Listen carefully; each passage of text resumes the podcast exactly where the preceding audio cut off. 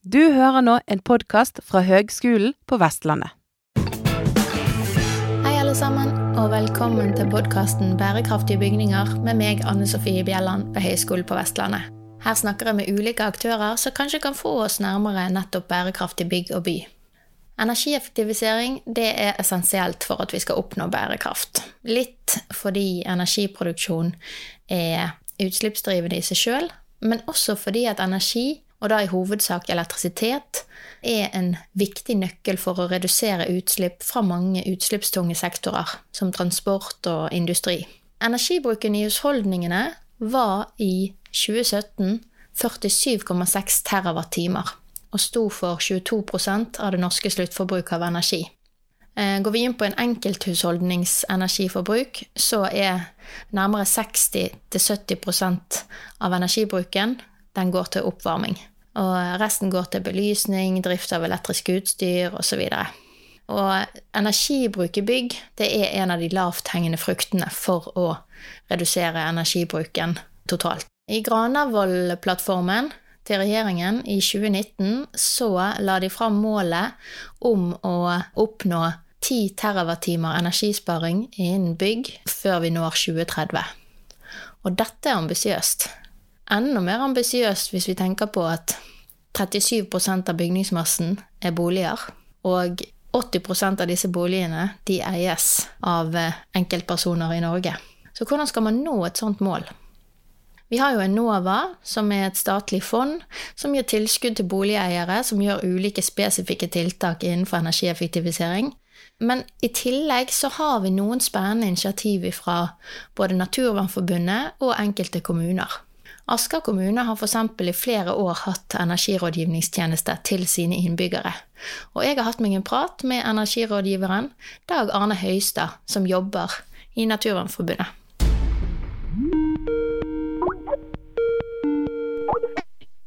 Hei sann, Dag Arne. Hei, ja. Hei, takk for at du tar deg tid til å prate med meg. Du, jeg lurte på om du vil begynne med å bare fortelle om eh, eh, hva din rolle er der du jobber nå, hvilken bakgrunn du har osv. Ja, eh, jeg har jo to jobber. Den største er i Naturvernforbundet. Der er jeg leder av internasjonal avdeling. Mm. Eh, jobber mye med energiprosjekter både i Russland og i Afrika. I Afrika er det mye sånn enkel, enkel energitilgang. Med mini-solcelleanlegg og husholdnings, for husholdningsstrøm og effektive vedovner og den type ting. Ellers så har jeg gjennom arbeidet i Naturvernforbundet jo kommet litt bort i arbeidet med energikrav og teknisk forskrift. og prøvd å leve litt som jeg har eh, lært. Og gjort mye med oppussing av eget hus og gjort meg noen erfaringer som førte meg inn til å foreslå at her burde det være en rådgivningstjeneste. Kommunalt, lokalt. Det var vanskelig å finne gode råd. og Det ble det i Asker, hvor jeg bor. Og jeg har det, nå den jobben med å være energirådgiver for Askers innbyggere som lurer på ting med oppgradering og energi- og klimatiltak i egen bolig. Ja, og En sånn rådgivningstjeneste er det jo i, i enkelte kommuner, men ikke, det, er ikke, det, er ikke vanlig at det er i de fleste? Er du enig? Nei, det er jo veldig få det er i. Mm. Eh, når jeg foreslo det her lokalt, så var det litt etter modell fra Sverige, hvor det er en lovpålagt kommunal oppgave. Oh, såpass. Det er ikke verst. Men, eh, men, vil du gi oss en liten sånn eh, ja, Hvordan er ståa i boligene du er For da, hvordan fungerer det? Du kommer inn på befaring til boligeier og ja, det ligger jo informasjon ute på kommunen at de kan ta kontakt hvis folk er interessert. Så det er jo folk som er motivert, selvfølgelig, som tar kontakt, eller fryser, eller har urimelig stor strømregning, eller har noen, noen ting de lurer på. Så da kommer jeg stort sett på befaring. Og så er det jo å se og snakke, og kanskje mest snakke og prøve å hjelpe de familien da med å definere hva er det egentlig som er problemet eller utfordringen. Så er det kan si, Man kan komme med en forutinntatt mening av hva som burde være den riktige løsningen, men det er jo ikke noe teknisk riktig løsning. Det er jo det, det som er prioriteten til familien, som uh, blir det riktige. Det som er riktig for en familie, kan være ja, Det kan variere på hva som er prioriteringene. Mm. Jeg er litt nysgjerrig, for jeg underviser jo litt i energieffektivisering i faget bygningsfysikk. Og da tar jeg utgangspunkt i denne Kyoto-pyramiden, der den, den breieste biten i bunnen den går på å redusere varmetap ved å forbedre klimaskjermen. Og så bygger han seg oppover sant, med at du skal få inn eh, veldig energieffektivt utstyr, og så skal du eh, eh måle og styre energibruken din, og så til slutt så skal du forsyne da, med en fornybar kilde osv. Eh, og, og håper si skal man gå i gang med en sånn helhetlig oppgradering.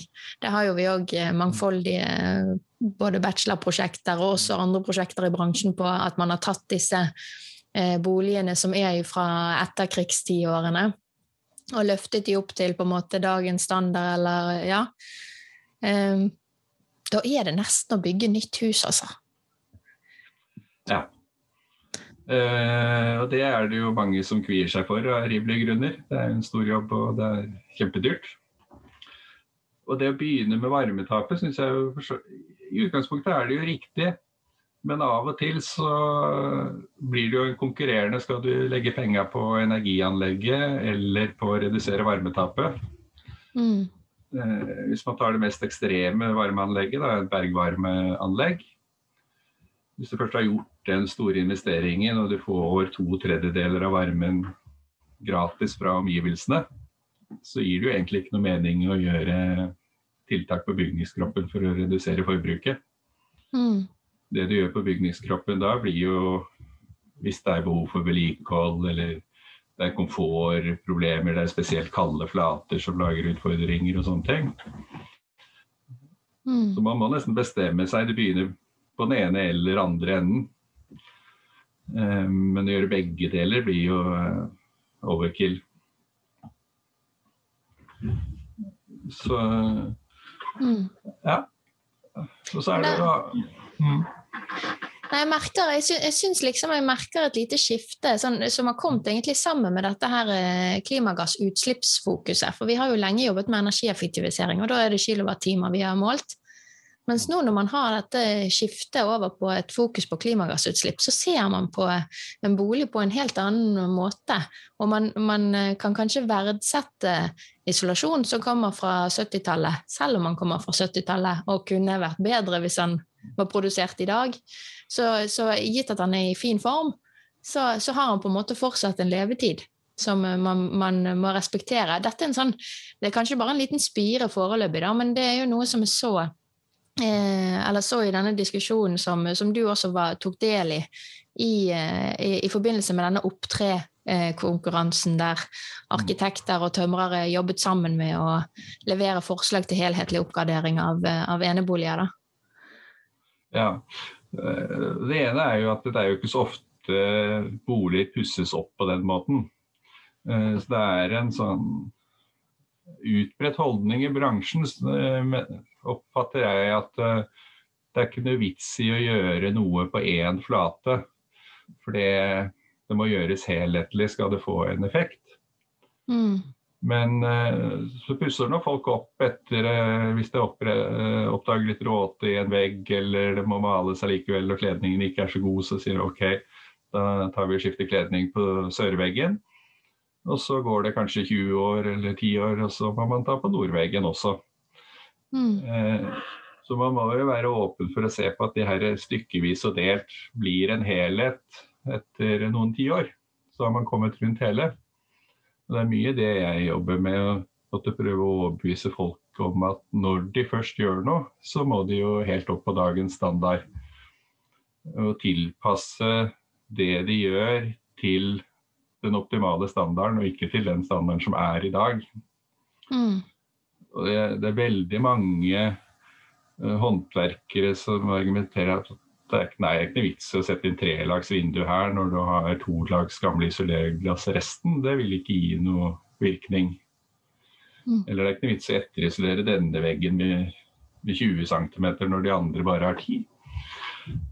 Og min begrensede kunnskap om bygningsfysikk tilsier jo at det er temperaturforskjellen over flatene som avgjør, og ikke hva de andre flatene på de andre veggene har. Så det bør jo ha like stor virkning per kvadratmeter om du gjør det på ett sted. Så mye av utfordringen ligger der, syns jeg, å få, eh, få, de som først gjør noe, til å gjøre det ordentlig. Mm. Men å rive av god panel for, eh, på en vegg, typisk en bindingsverksvegg med 10 cm isolasjon, for å legge på litt mer, det føles jo feil, det òg. Mm. For da må man jo kaste ressurser, og det er store kostnader som ikke lar seg forsvare ut ifra energikostnadene. Mm. Absolutt. Men, men, jeg er litt nysgjerrig på denne rådgiverjobben. Altså For det første, er det stor pågang? Er det mange uh, i Asker som uh, ønsker rådgivning? Ja, det er jo litt avhengig av hvor mye informasjon man får ut, selvfølgelig. Og hvor uh, kaldt det er, og hvor høye strømprisene er. Mm. Men jeg har jo sånn, hatt en 150 befaringer i året.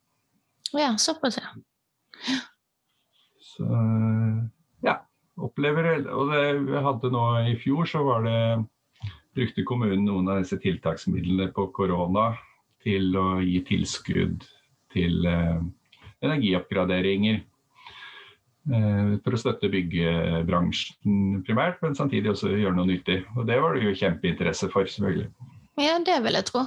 Hva kunne man typisk få støtte for da?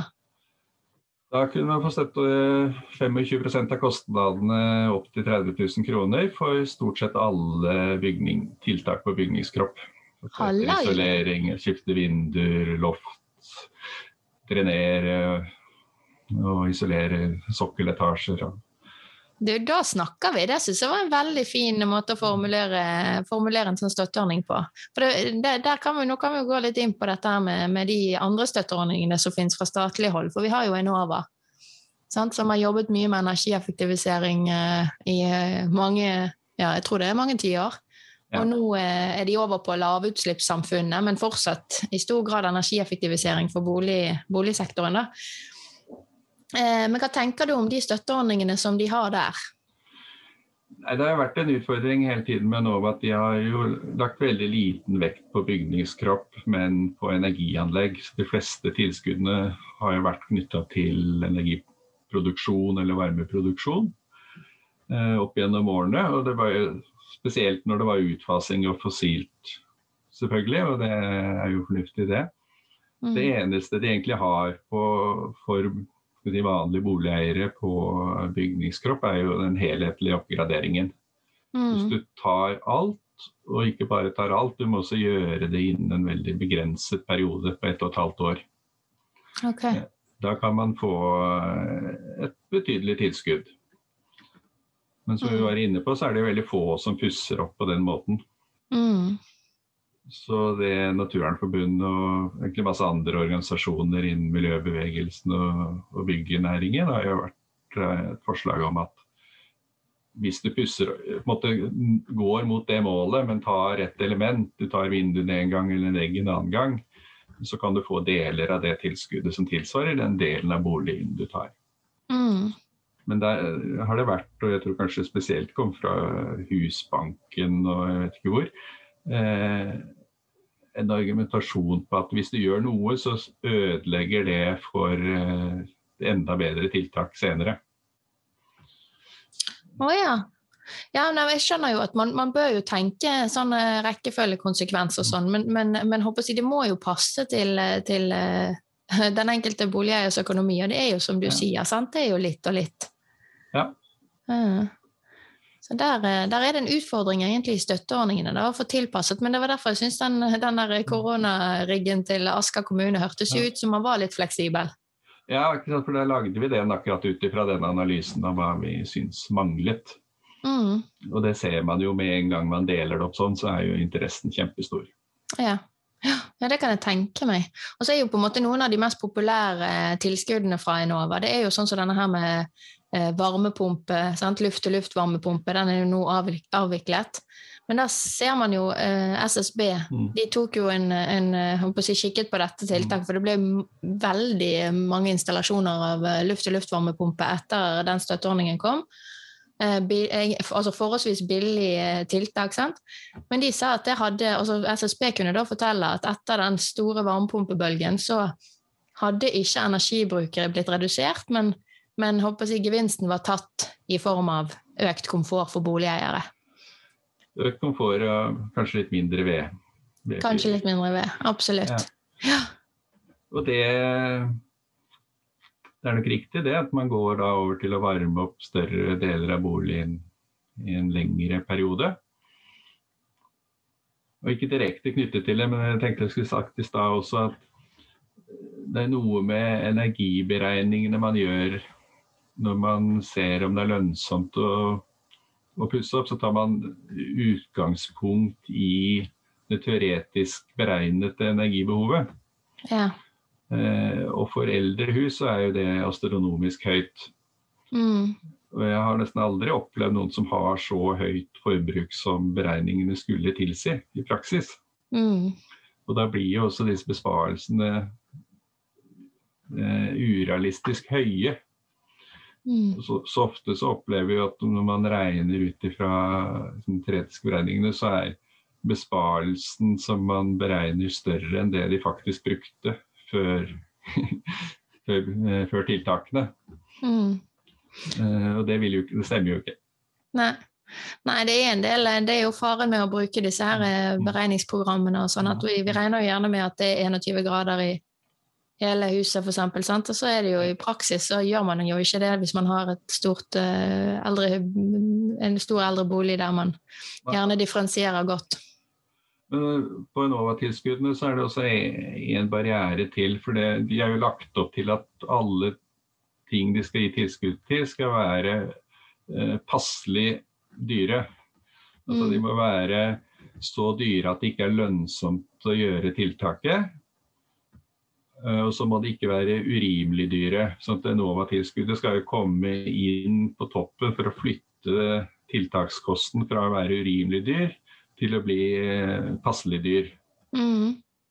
Altså at tilskuddet utløs, er det som utløser at de setter i gang. Ja. Eh, men folk er jo ikke så rasjonelle at de sitter og beregner eh, skal si, ja, levetidskosten eller nåverdiberegninger på de tiltakene på vedlikehold av enebolig. Mm. Eh, så jeg tror man må akseptere at tilskuddet er ikke sånn det som utløser det, det er en gulrot.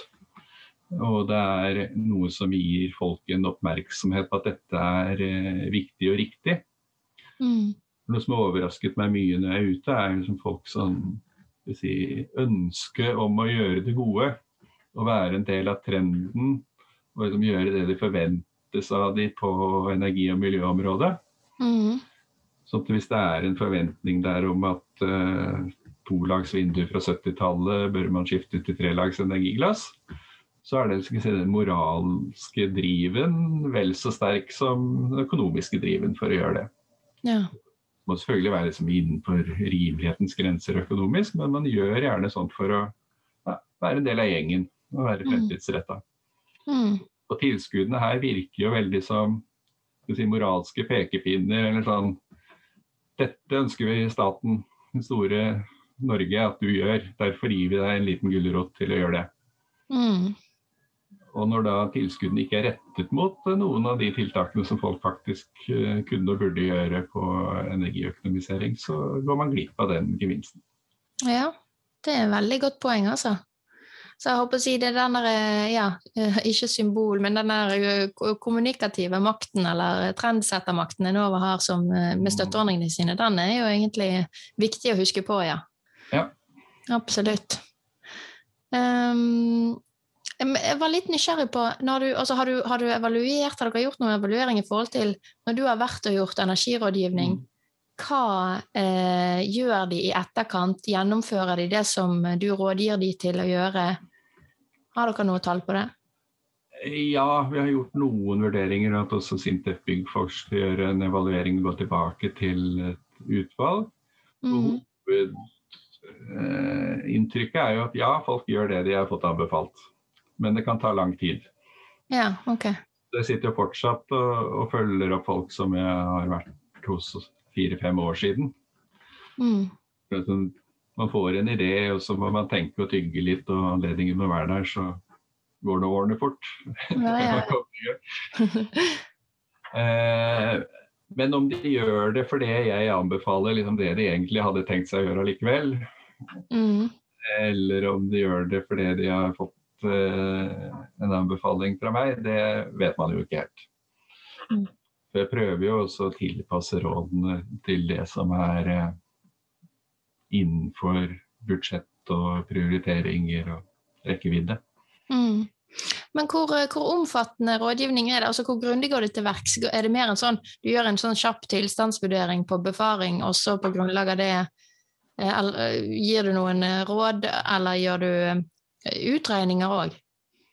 Jeg gjør en del utregninger. Jeg prøver å gi folk et realistisk bilde av hva de kan spare på de forskjellige tiltakene. Okay. Så jeg har måtte, noen sånne tommelfingerregler. Skifter du et vindu fra den typen til den typen, så sparer du ca. så og så mye per kvadratmeter. Mm. Så jeg prøver liksom å forholde deg til det. Skifter du 20 kvadratmeter vindu, så kan du selv regne gange den tallet med 20. Mm.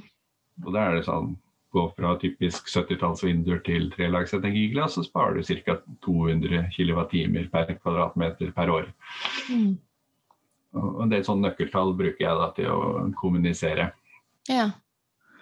Eh, men en fordel er jo at folk opp igjennom stort sett har bygd det som har vært lovpålagt i teknisk forskrift. Så husene er verken mer eller mindre enn det energikravet var den gangen det var bygd. Mm. Så har man byggeåret, så har man veldig mye. Ja. Så jeg går, går vanligvis ikke så veldig nøye inn. Jeg ser jeg har vel de som har vært på flest loft, kanskje, i Asker. Ja. så jeg jo rundt på loft og måler isolasjonstykkelse, for det er jo en, en flate som det ofte er eh, veldig kostnadseffektivt å etterisolere. Derfor det innebærer ikke noe særlig bygningsarbeider, man kan bare legge på mer isolasjon. Mm. En lavterskeltiltak. Ja, og ofte glemt, for det er på loftet. Ja, ja, ja, absolutt. Ja. Men, men uh, har du Altså, Enova har jo Ja, de har det vel fortsatt. De har støtteordning til uh, installering av balansert ventilasjon med varmegjenvinning. Ja. Har du uh, noen tanker om det? Ja, det jeg pleier å si er jo at det kanskje ikke først og fremst er et energitiltak. Eller du gjør ikke det for å spare energi, du gjør det hvis du har inn, en inneklimautfordring. Mm. For det er litt vanskelig å beregne energibesparelsen i et eksisterende bolig, for jeg vet ikke hvor mye det vil øke luftskiftet ved å sette inn et ventilasjonsanlegg, og hvor mye av luftskift som faktisk går gjennom anlegget, eller trekker inn gjennom andre lekkasjer. Mm. Så erfaringen er vel at det kan spare fra 0 til 20-30 på det eksisterende bolig. Mm. Hm. Men eh, tar de ofte med sånn at hvis de gjør ting på bygningskroppen, øker eh, tettheten, så må de jo tenke på ventilasjon på den eller andre måten. Mm, mm. Så, så, opplever vi at det er en skepsis mot balansert ventilasjon. Ok, hvordan da? Eh, nei, man har Det er skepsis til Det er en idé om at bygg skal puste. Så det er jo en tett, skepsis mot tetthet. tett. og liksom, folk sier bo i en plastpose vil de jo ikke. Mm. Eh, men også bygg fra 60-70-tallet er jo allerede så tett at man må tenke på ventilasjon på et eller annet vis. Mm. Og så tenker man at det er balansert ventilasjon, at det er støyet og det blir eh, mye støv i disse greiene. Så er det en reell utfordring også knyttet til soverom. Hvis du eh, ønsker å ha det kaldt, så får du jo mye varme inn gjennom den balanserte ventilasjonen. Mm. Eh, så du må kunne, det pleier jeg å råde til at du må ha så du kan skru av ventilasjonen på soverommet. Da. Ja, ok. Ja, sånn at du kan differensiere mellom soverom og andre rom, da. Ja. På noe vis. Ja. Hm. Um, men hvis du nå, nå du, du bo, lever jo og jobber midt i alle støtteordninger, og har jo òg etablert egne sammen med kommunen i, i Asker der. Men hvordan ville du ha, ha jeg, laget støtteordningene hvis du fikk eh, regjere litt, da? Kanskje ikke helt i detalj, men liksom, hva ville du gjort av endringer? Jeg ville vel kanskje skippa hele Enova, sånn som de har utviklet seg nå.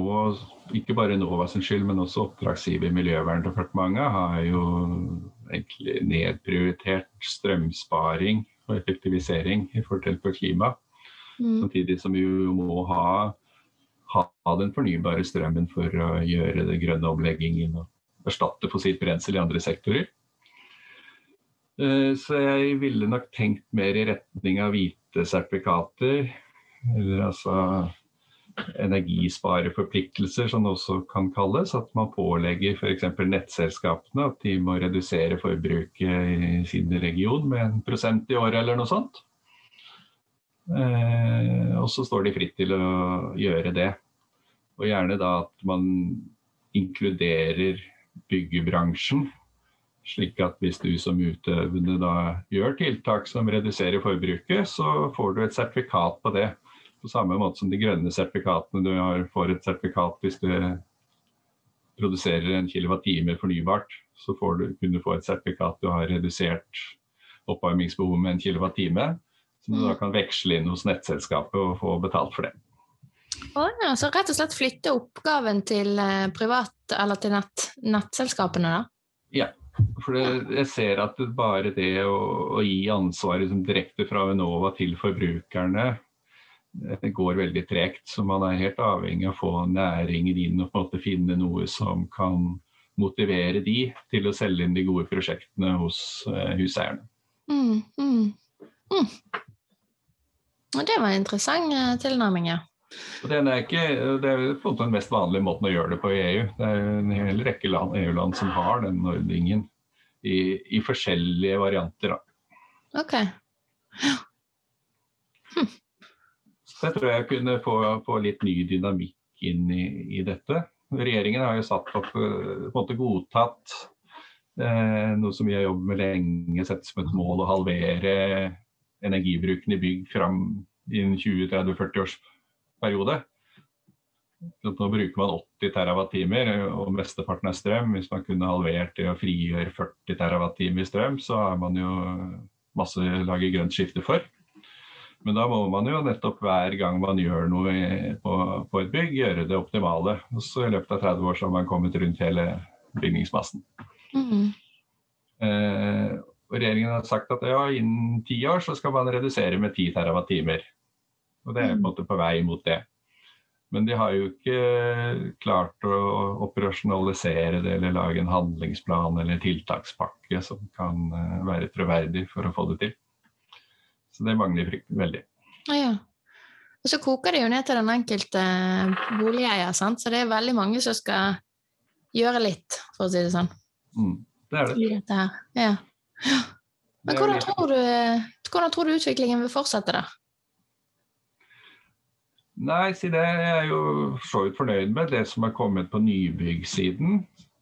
Jeg har jo jobbet med dette siden TEK97, eller forberedelsene til det. Og der jeg har, der har det skjedd mye. og ikke minst husker jeg arbeidet med TEK97, så var jo byggenæringen veldig restriktiv og tilbakelent. Jeg har aldri opplevd en næring som har vært så opptatt av å nedsnakke seg selv. De sier at nei, dette er fryktelig vanskelig, dette er så mange 40 000 foretak rundt, og nei, dette får vi ikke til i det hele tatt. Mm. Til nå å være helt annerledes og langt foran liksom byggenæringens veikart mot 2050 er jo superoffensivt. Mm. Uh, så det har vært en morsom uh, runde å observere. Men fortsatt er jo utfordringen da på hva gjør vi med den eksisterende byggemassen. Der har det skjedd relativt lite. Mm. Ja, der blir det spennende å se om de klarer å Altså om, om dette kommer inn i, på, i, lovreguleringen på en tydeligere måte. Ja. Det er jo en utfordring, men, uh, men, det er jo et behov for å, å, få inn noe, i hvert fall. Ja. Nei, jeg har ikke så veldig tro egentlig på, på at det kan lovregulere det, eller ha en sånn rehabiliteringstek som jeg for så vidt har vært med og foreslått selv. Eh, det er så mange spesielle forhold. Ja, det er det. Ja. Ja, det, det, må nok være lokkemidler heller, da, sånn som disse hvite sertifikatene. At alle betaler litt over strømregningen, og så får du det igjen hvis du gjør de riktige tingene når du pusser opp. Ja. Ja. Men du, et, et, spørsmål på tampen, for vi har jo denne her energimerkeordningen. Mm. Er det noe som folk eh, bryr seg om der ute i kommunene? Ikke veldig. Eh, man bryr seg jo litt om det når man sitter i sitt eget hus og lurer på hvordan man ligger an, som en sånn benchmarking. Mm. Og så blir de jo veldig skuffet selvfølgelig i eldre hus, fordi alle jo, havner jo på rød E stort sett uansett. Ja. Eh, for den er jo lagt sånn, og det er jo riktig for så vidt. Altså, dagens krav er sånn C eller kanskje borti en B. Mm. Så den henger veldig høyt. Eh, så man må gjøre utrolig mye for liksom å bevege seg på den. Ja. Eh, og ved eiendomsomsetning så tror jeg ikke det er noen som nesten som ser på det. Og det er der den burde slå ut at liksom får Det er pluss, det er, det er en fordel å ha et godt energimerke, men det trumfer ikke beliggenhet og alle mulige andre ting som folk ser på når du kjøper. Nei, Nei den ser jeg. Mm. Nei, men det er interessant tematikk. Eh, og så er det jo det at sant, dette her med energieffektivisering altså Litt avhengig av i hvilken grad man gjør det, så er det jo også en viktig del av det å, å eh, jobbe med et byggs levetid. Mm. Sant? Altså eh, at klimaskjermen er robust og tåler eh, det den skal stå i fremover òg. Så det er jo kjempeviktig arbeid du holder på med. Men, men har du noen gode råd til de som skal ut og forme morgendagens byggebransje? Det er vel kanskje ikke så lett å gi det. Men jeg tror det er mye liksom, det jeg har vært inne på, som jeg ser byggebransjen utvikler seg med, mot en sirkulær økonomi. Og tenke hvordan man kan bruke eksisterende bygg, eller bruke eksisterende altså, Gjenbruke bygningselementer at byggenæringen er liksom kjent som en sånn 40 %-næring, hvor den står for 40% av alle problemene. Eller ressursbruk, avfall og energibruk. Så, så, henger jo det sammen, hvordan man skal komme seg unna alle de tre 40 eller få de ned. Og så er jeg selvfølgelig veldig glad hvis noen eh, kan bidra og finne på noe smart på eneboligmarkedet for oppgradering. Alle 60-70-tallshusene da ble det jo bygd enormt mye eneboliger i Norge, så det er mange av de. Mm. Eh, samtidig som det er for små og spesialiserte prosjekter til at de store firmaene gidder å tenke på det. Så dette er jo overlatt til alle de lokale snekkerbedriftene. Mm. Så der er det upløyd mark. Der er det utpløyd mark. Husk det, folkens. Kjempeflott. Tusen takk for praten, Dag Arne. Jo, selv takk. Ha det godt. Ja, takk for det. Hei. Spennende å høre synspunkt fra en i eh, en energirådgivers posisjon. Også her så er det liksom at fokuset blir på en måte bredere og bredere. Man ser mer og mer eh, helhetlig på bygg. Så eh, det skjer noe med også hvordan man skal angripe eksisterende bygg med tanke på energieffektivisering. Ved Høgskolen på Vestlandet så har vi òg etablert en energirådgivningstjeneste for boligeiere, der våre studenter på byggingeniør- og energiteknologiutdanningen får ta et kveldskurs over tre kvelder, der de lærer seg å bli energirådgivere, før de får et oppdrag og drar på befaring hos boligeiere og lager en rapport om råd om tiltak for energieffektivisering. Dette er et initiativ fra Naturvernforbundet og det er de som også organiserer og kobler boligeiere osv. Jeg har gleden av å bidra med undervisning, altså noe av kursdelen i forhold til det som studentene får på kveldstider. Og for de som syns det er interessant å følge dette initiativet, eller eventuelt benytte seg av initiativet, eh, så kan dere gå inn på eh, Naturvernforbundet sin nettside om saken om energieffektivisering, som heter energismart.no. Ha det godt! Du har nå hørt en podkast fra Høgskolen på Vestlandet. Du kan høre flere podkaster fra oss ved å gå inn på nettsiden hvl.no. slash. Du har nå hørt en podkast fra Høgskolen på Vestlandet. For å høre flere podkaster, besøk hvl.no. slash podkast.